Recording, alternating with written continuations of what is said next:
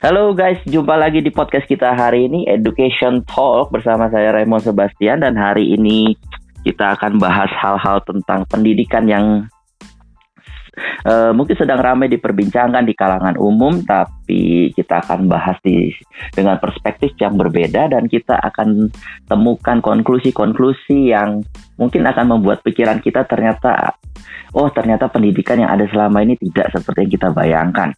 Oke, dan hari ini kita sudah ada narasumber yaitu Miss Grace dan Miss Grace ini domisilinya ada di Jogja.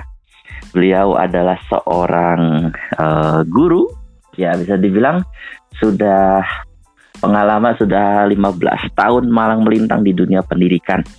Nah, halo Miss Grace.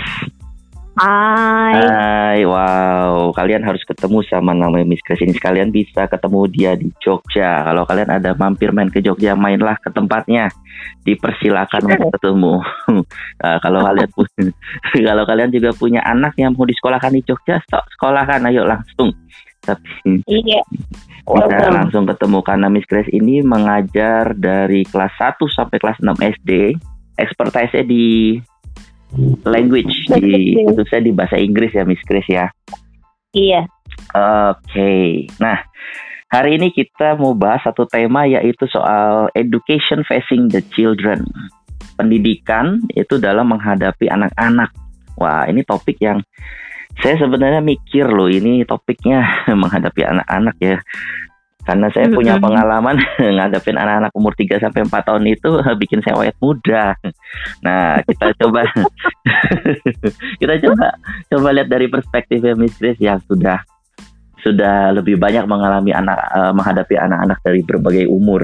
Kalau saya mungkin baru umur 3 sampai 4 tahun aja. Itu pun bukan anak saya. Saya lebih suka menghadapi uh, ibu-ibunya ya, mama-mamanya yang saya lebih senang menghadapi.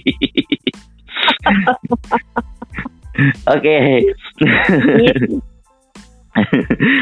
uh, Miss Grace, aku mau nanya nih soal bagaimana caranya kita nih menghadapi anak-anak kan Miss Grace kan expertise itu di uh, primary itu dalam arti yeah. SD ya SD kelas 1 sampai kelas 6 itu beda mm -hmm. banget dengan ngadepin anak-anak SMA yang wah anak SMA udah gaulannya beda ngomongnya beda nah ini gimana oh. Miss Grace cara uh, cara menghadapi anak-anak yang di SD ini.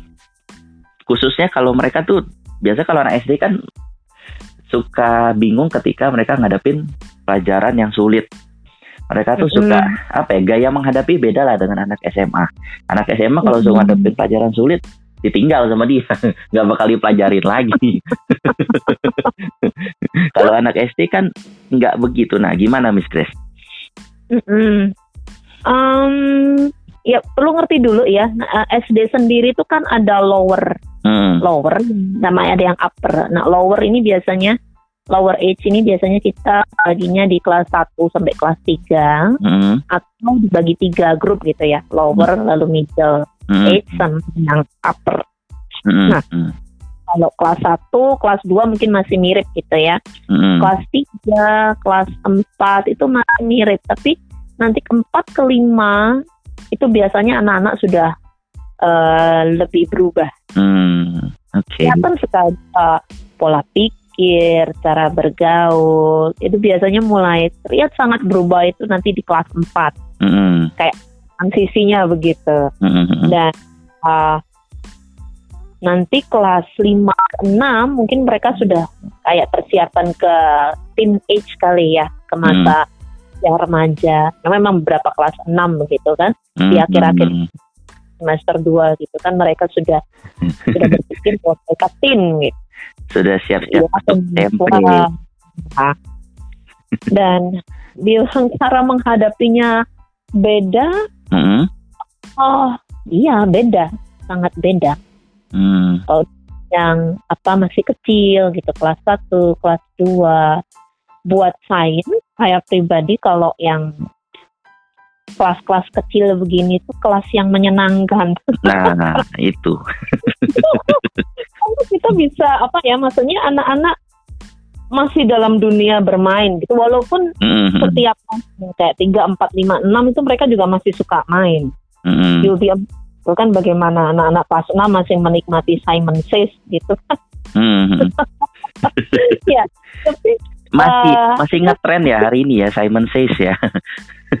Oh iya masih ya lah ampun, itu itu mainan zaman kapan ya itu saya berasa tua loh. Betul ya tapi ya saya kalau kelas 1 kelas 2 begitu mm -hmm. uh, kalau mereka apa ya maksudnya mereka masih begitu bergantung sama guru homeroom mm -hmm. teacher sama begitu mm -hmm. tiga empat they found that uh, school itu terutama teacher itu mm -hmm. sudah seperti idol gitu. Hmm. idol. so, uh, yeah, someone, someone, someone you can look up to gitu. Mm-hmm. Seorang ini kamu bisa apa sih kayak andalkan gitu. Baru yeah. itu kelas 3 dan 4. Mm-hmm. Kelas berapa anak masih baby-baby begitu kan. Mm-hmm.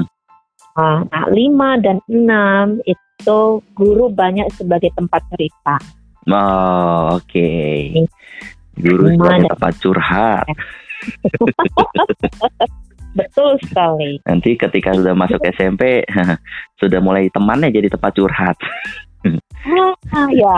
Akhirnya itu udah akhirnya udah mengenal cinta-cinta itu SMP. Betul. oh, oke okay, oke. Okay. Jadi guru jadi tempat curhat. Terus gimana Miss Chris kalau si anak ini nih uh, gimana ya, kita mem menghadapi anak-anak yang kalau tadi kan secara umumnya generalnya bahwa ngadepin hmm. anak dari kelas 1 sampai kelas 6 itu berbeda-beda caranya. Yeah. Dan sekarang kalau misalnya mereka dalam menghadapi satu pelajaran yang sulit untuk mereka, apakah hmm. apakah mereka yang khususnya anak SD ini ya, apakah mereka curhat juga ke gurunya atau gimana? Hmm, saya rasa sih tidak. Hmm. Jadi memang uh, ini ini kan tergantung anak. Mm-hmm. Jadi ada anak itu uh, waktu mereka menghadapi kesulitan, mereka akan bisa oh ini kelas mereka akan bisa angkat tangan dan Miss tolong ini saya tidak ngerti, saya tidak tahu, tolong diulang.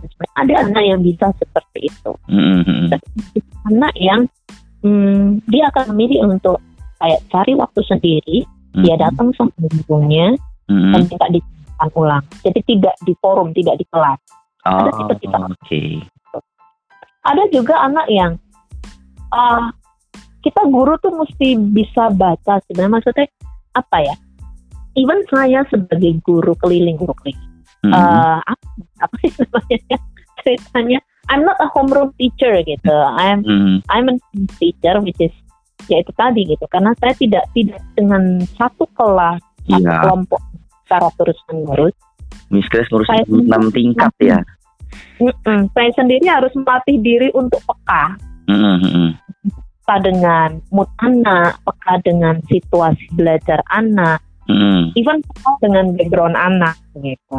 Mm-hmm. Ada anak yang kita lihat mukanya aja kita sudah tahu ini tidak ngerti ini anak nih. ada anak-anak yang iya. ada anak-anak yang dengan sekali dua kali pertemuan kita sudah bisa tahu pola belajarnya, pola cara dia menangkap pelajaran seperti ini dan seperti itu. Mm-hmm.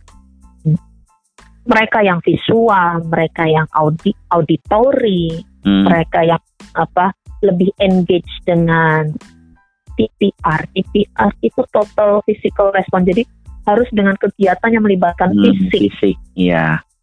Itu itu kan tidak setiap anak punya metode engage yang sama. Mm-hmm. Guru di kelas harus peka sama yang begitu. Iya yeah, iya yeah, iya. Yeah. Tidak mengakomodasi visual terus, mm-hmm. tidak hanya mengakomodasi auditori terus, tapi uh, memang harus sebisa mungkin, sekreatif mungkin anak-anak yang auditori, anak-anak yang visual, anak-anak mm -hmm. yang art itu terakomodasi. Mm -hmm. Nah, mata pelajaran sulit. Nah, sekarang Inggris itu hmm, in my school di Budi Utama itu mm -hmm. hmm, kebetulan untuk level berbahasa Inggrisnya itu cukup lumayan. Hmm, oke. Okay. Ya. So even most most of my grade two students, mm-hmm. anak kelas 2 saya itu sudah cukup fluent mm-hmm. untuk uh, to have a conversation in English. Wow, anak kelas 2 SD lu udah fluent lu ngomong Inggris udah lancar. Like, Jadi, like 80% about, ya. Yeah. Wow. Berarti ntar kelas enam kelas 6 SD sudah bisa diorbitkan itu. right. Hmm. Ya. Ya uh, untuk untuk bahasa Inggris. Hmm. Untuk kelas bahasa atau mungkin nanti subjek-subjek yang lain juga uh, kita berusaha untuk tahu secara level. Hmm. Uh, maksudnya bukan untuk kayak kelompokkan anak oh ini anak bisa banget nih bukan bukan itu tapi hmm. tahu bahwa kita sebagai guru ini punya goal untuk masing-masing tiap tiap tiap anak gitu ya oh, okay. bisa beda bisa sama so for the fluent misal katakan untuk kelas 4 gitu saya tidak akan uh, kasih goal yang sama atau -hmm. kasih seperti apa ya range grading yang sama untuk anak yang memang sudah fluent mm-hmm. dengan anak yang uh, masih butuh pendampingan dan anak yang which is totally blank gitu. Mm. Saya tidak mungkin minta uh, apa ya seperti goal of the lessonnya gitu. Anak ini sudah harus bisa bikin satu paragraf penuh. Gitu. Mm-hmm. Itu mungkin nanti untuk anak-anak yang fluent. Nah, tapi kalau untuk anak-anak yang butuh pendampingan, mm-hmm. saya akan katakan bahwa goalnya bukan satu paragraf, mm-hmm. sentence. Mm-hmm. So five sentence. Iya, iya, iya. Nah, untuk anak-anak yang benar-benar mungkin perlu pendampingan one on one, then I will say it's one or two. Mm, one or yeah. two sentence is enough. Mungkin saya perlu kasih prompt. Jadi mm-hmm. seperti kata pembuka gitu. Oh, iya, jadi beda-beda ya. Nah, itu tantangannya sih dalam arti mm-hmm. uh, kalau untuk menghadapi pelajaran-pelajaran yang sulit uh, mm-hmm. salah satu tantangannya ya kita harus kenal anak mana anak yang apa memang butuhnya seperti ini yang mm-hmm. ini begini hmm oke okay. Jadi harus kenal anaknya dulu oh, karena no. masing-masing anak beda-beda ya kenapa is it hurt oh, I no. mean It's fine, it's totally fine. itu budaya lokal. ya, nggak apa-apa, itu budaya lokal kok.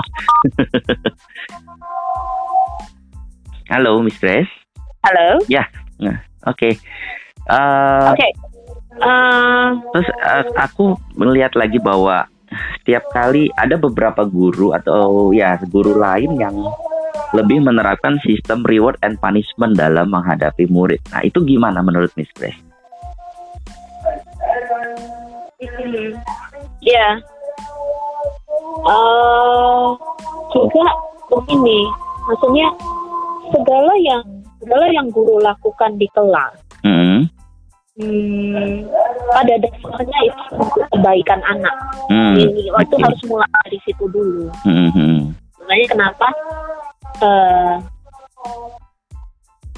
perlu buat guru atau mungkin juga buat orang tua untuk benar-benar kenal anaknya mm-hmm. pola belajar anaknya seperti apa metode belajar yang cocok buat anaknya seperti apa mm-hmm. dan itu dikomunikasikan perlu dikomunikasikan Berarti nggak nggak semua reward and punishment itu harus bisa tanya, ini ya? uh, harus bisa sampaikan gitu dengan mm. benar. Mm-hmm. I mean encouraging words ya. Oh, Karena okay. apa ya? Uh, kadang waktu kita uh, mengajarkan hal yang sulit ke anak. Tantangannya itu kan how to make the the difficult things itu simple dan dimengerti. Hmm. Ah, simple and understanding. Uh, untuk mereka yang sudah bisa nih, mm -hmm. contoh saya ngajarin past tense begitu. Anak-anak harus uh, harus paling tidak lebih dulu tahu apa verbnya apa. Kalau hmm. dengan kata go ya berarti when. Hmm. Kalau dengan kata kerja sleep berarti itu slept. Nah hmm. untuk anak-anak yang uh, perlu pendampingan atau butuh butuh assistance lebih, mm-hmm. well, saya harus masukkan dengan cara yang paling di, membuat dia nyaman. Mm-hmm. Dan apa ya tantangannya itu seperti dinaikkan sedikit-sedikit perlahan-lahan, tidak tidak langsung jreng. Yuk bikin kalimat, yuk order words mm-hmm. into sentence. Tidak seperti itu gitu. Dan apa ya saya saya sebagai guru saya harus apa ya punya hmm, tidak hanya punya goal untuk diri saya sendiri, tapi saya share. Mm-hmm. Coba kalau Miss ingin kamu uh, bisa seperti ini, kira-kira bisa enggak kamu? Atau kamu diajarin ini, kamu bisanya seberapa? Kamu pengennya seperti apa? Kamu mau bisa buat satu kalimat, dua kalimat, tiga kalimat, mm-hmm. dan kita yang akan support. Gitu the teacher is a facilitator tidak tidak cuma apa ya sekedar share di kelas dan di depan mm-hmm. fungsinya saya sebagai guru ini kan facilitator so we yeah. facilitate kita yang akan fasilitasi anak mm-hmm. sampai anak itu bisa gitu capai goalnya dia sendiri kenal oh. goalnya dia dan capai goalnya dia sendiri seperti itu. dan goalnya kurikulum pemerintah ya Miss Halo, Miss. Halo. Ya. Dan golnya golnya tuh gol kurikulum pemerintah ya, Miss. hmm, kebetulan, bukan kebetulan ya. Saya suka SD ini hmm. karena kebetulan di kurikulum pemerintah English is not yet the national curriculum, not yet in the ah, national curriculum. Okay. Begitu. Jadi masih ya walaupun ada enak, ya. ada sih keuntungan kerugiannya, tapi mm-hmm. sekali lagi bahasa itu tetap apa ya kayak or gitu loh. Buat saya belajar bahasa itu kan seperti membuat kamu bisa akses apa pun. Mm-hmm. Tuh. Wow, jadi kalaupun tidak di national curriculum ya. Ha, ha, jadi masih lebih leluasa ya, masih lebih enak sih sebenarnya yang nggak harus ada target pemerintah bahwa ini harus bisa seperti hmm. ini. Ya memang sih kayak beberapa teman-teman guru yang lain. Hmm. Uh, contoh matematika gitu ya. Kalau di SD itu kan sewaktu UN UN masih jadi seperti goal di kelas 6. Mm -hmm which is okay sebenarnya. IPA, matematika, dan bahasa Indonesia. Mm. It's okay to have UN, but not okay to make it as apa ya the only goal. Mm. Gitu. Mm-mm. Ya, jadi nah, belajar untuk boleh hanya untuk lolos UN. Uh, eh, ya, ini mm-hmm. saya saya ambil contoh yang matematika mungkin ya. Mm-hmm. Jadi beberapa teman guru matematika yang sudah berpengalaman begitu, mm-hmm. mereka sudah tanam dari apa dari mulai anak-anak kelas 4 begitu bahwa uh, ya nanti kamu akan hadapi UN jadi tidak mm-hmm. apa-apa bersiap dari sekarang tapi, mm-hmm. tapi sudah ditanam dulu di dalam diri anak kepercayaan diri bahwa it's fine gitu loh kamu bisa mm-hmm. karena ya bukan bukan UN-nya itu yang jadi oh, just yeah. one step ahead gitu kan itu akan jadi hanya one of the stepping stone aja. Hmm. Tidak jadi the only main goal. Iya. Yeah. So. Hanya kenapa? Uh -uh. Uh -uh. Ya, terus terus gimana? Iya, jujur sih memang sih masih mungkin masih momok kali ya matematika, yeah. apa begitu.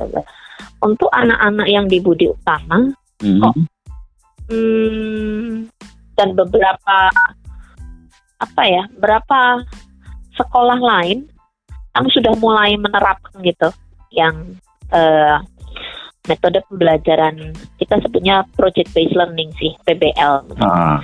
Jadi tidak even matematika itu pun bisa dibuat project. Oke. Okay. Mm -mm, jadi anak-anak tidak tidak terkonsep lagi belajar matematika itu melulu angka yang di kertas yang apa sih? Iya, yang kalkulator dan teman-teman iya I mean it's practical dan itu uh, sudah main logika juga kan. Nah, iya. saya rasa sih bagus. Oh, nanti anak itu udah bisa bikin mobil ini.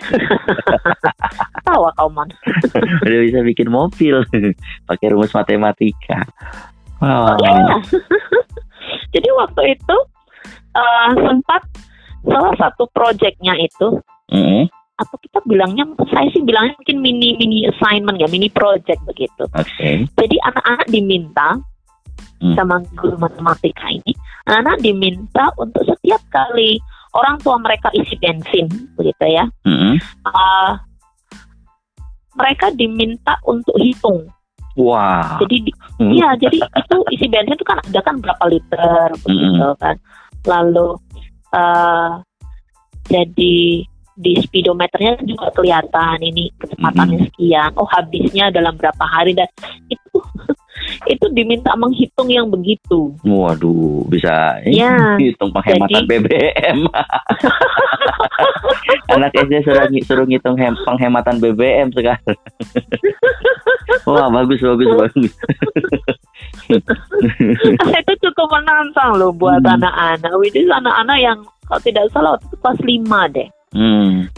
Kelas 5. Jadi nanti anak-anak bisa menilai nih mobil mana, motor mana yang lebih irit, mana yang boros.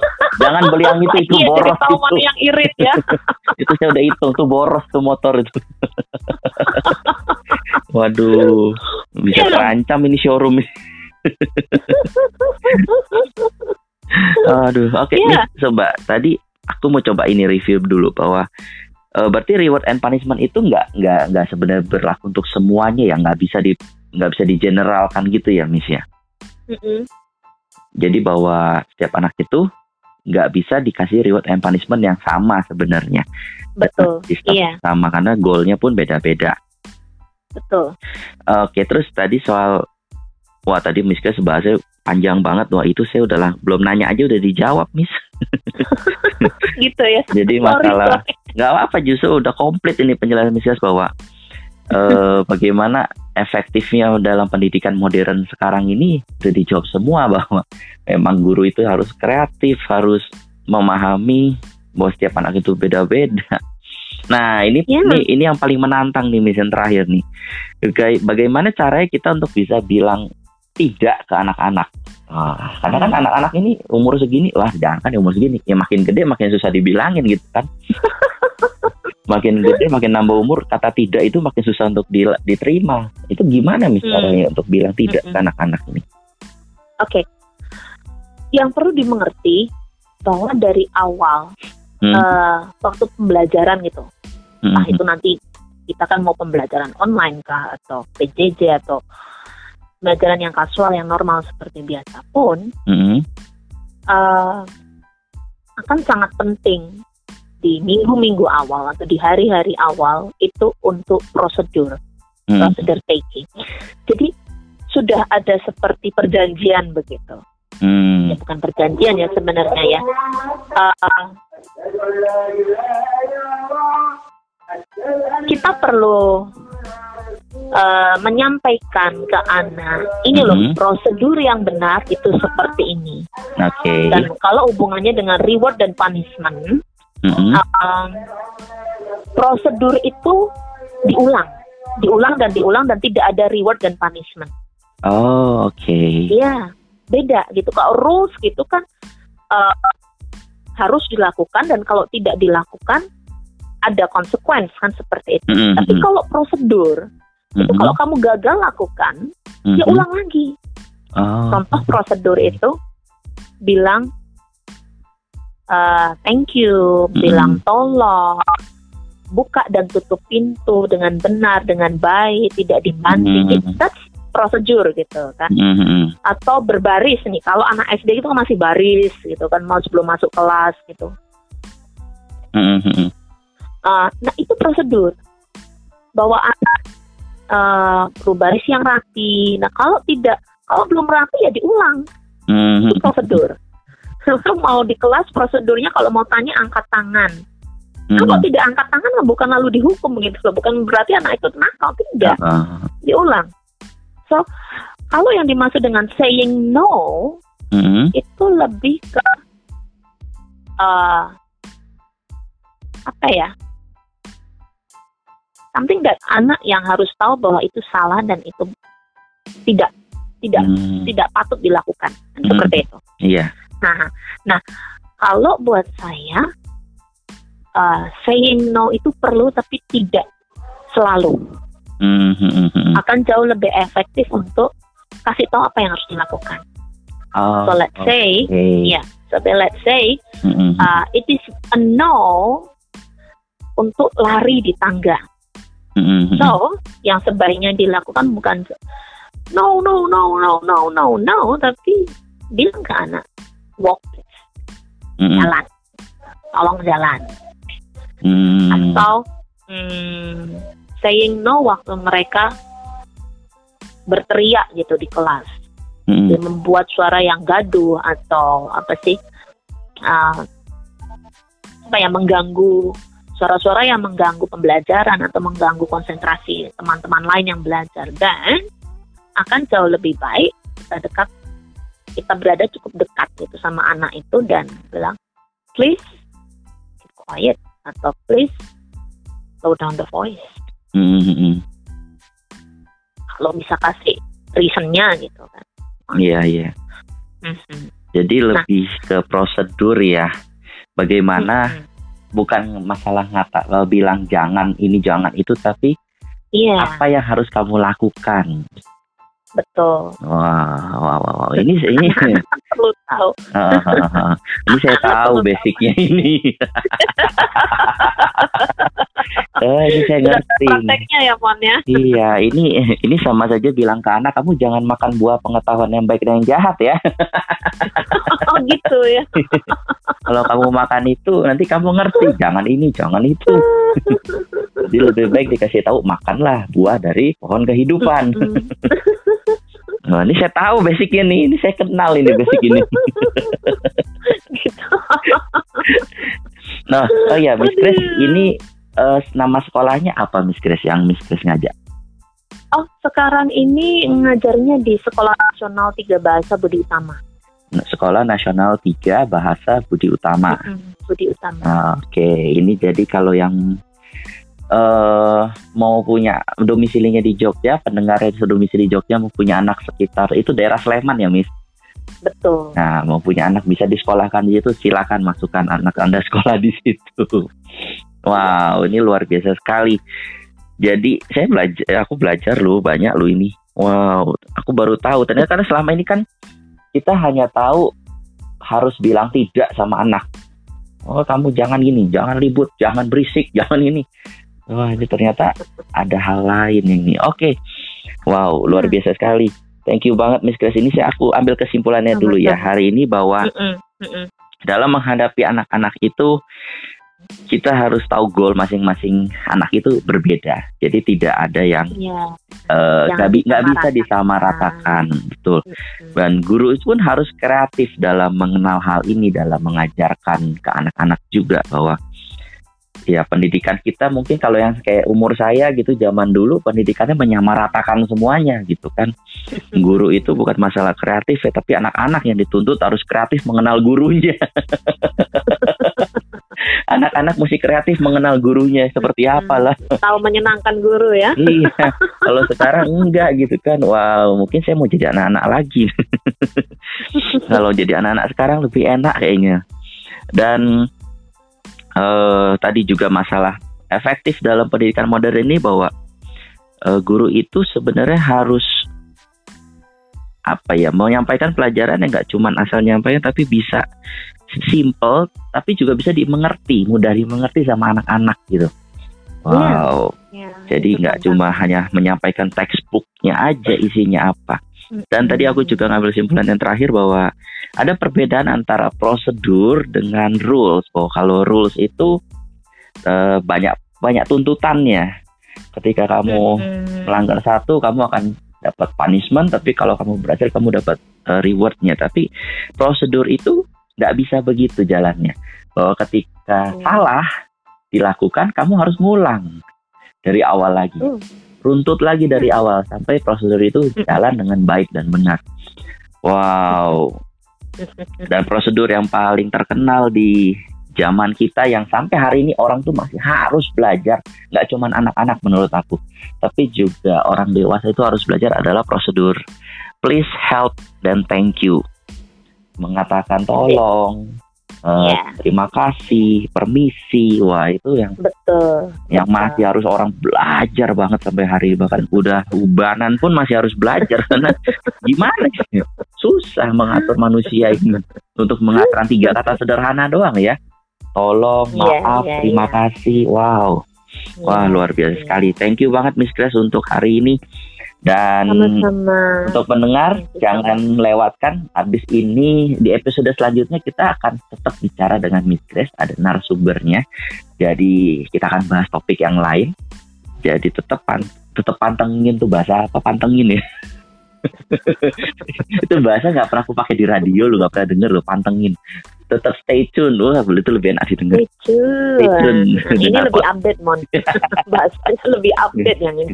Iya kalau bahasa aku bahasa Indonesia yang aku pakai itu pantengin loh. Tetap pantengin. Itu pantengin tuh apa? Tetap stay tune di podcast ini bahwa kita akan bahas hal-hal yang jauh lebih menarik lagi. Dan saya Remo Sebastian bersama narasumber Miss Grace mengucapkan terima kasih untuk kalian semua yang udah dengerin dan jangan lupa untuk dengerin episode selanjutnya dan thank you. Shalom. Thank you. Thank you. Shalom.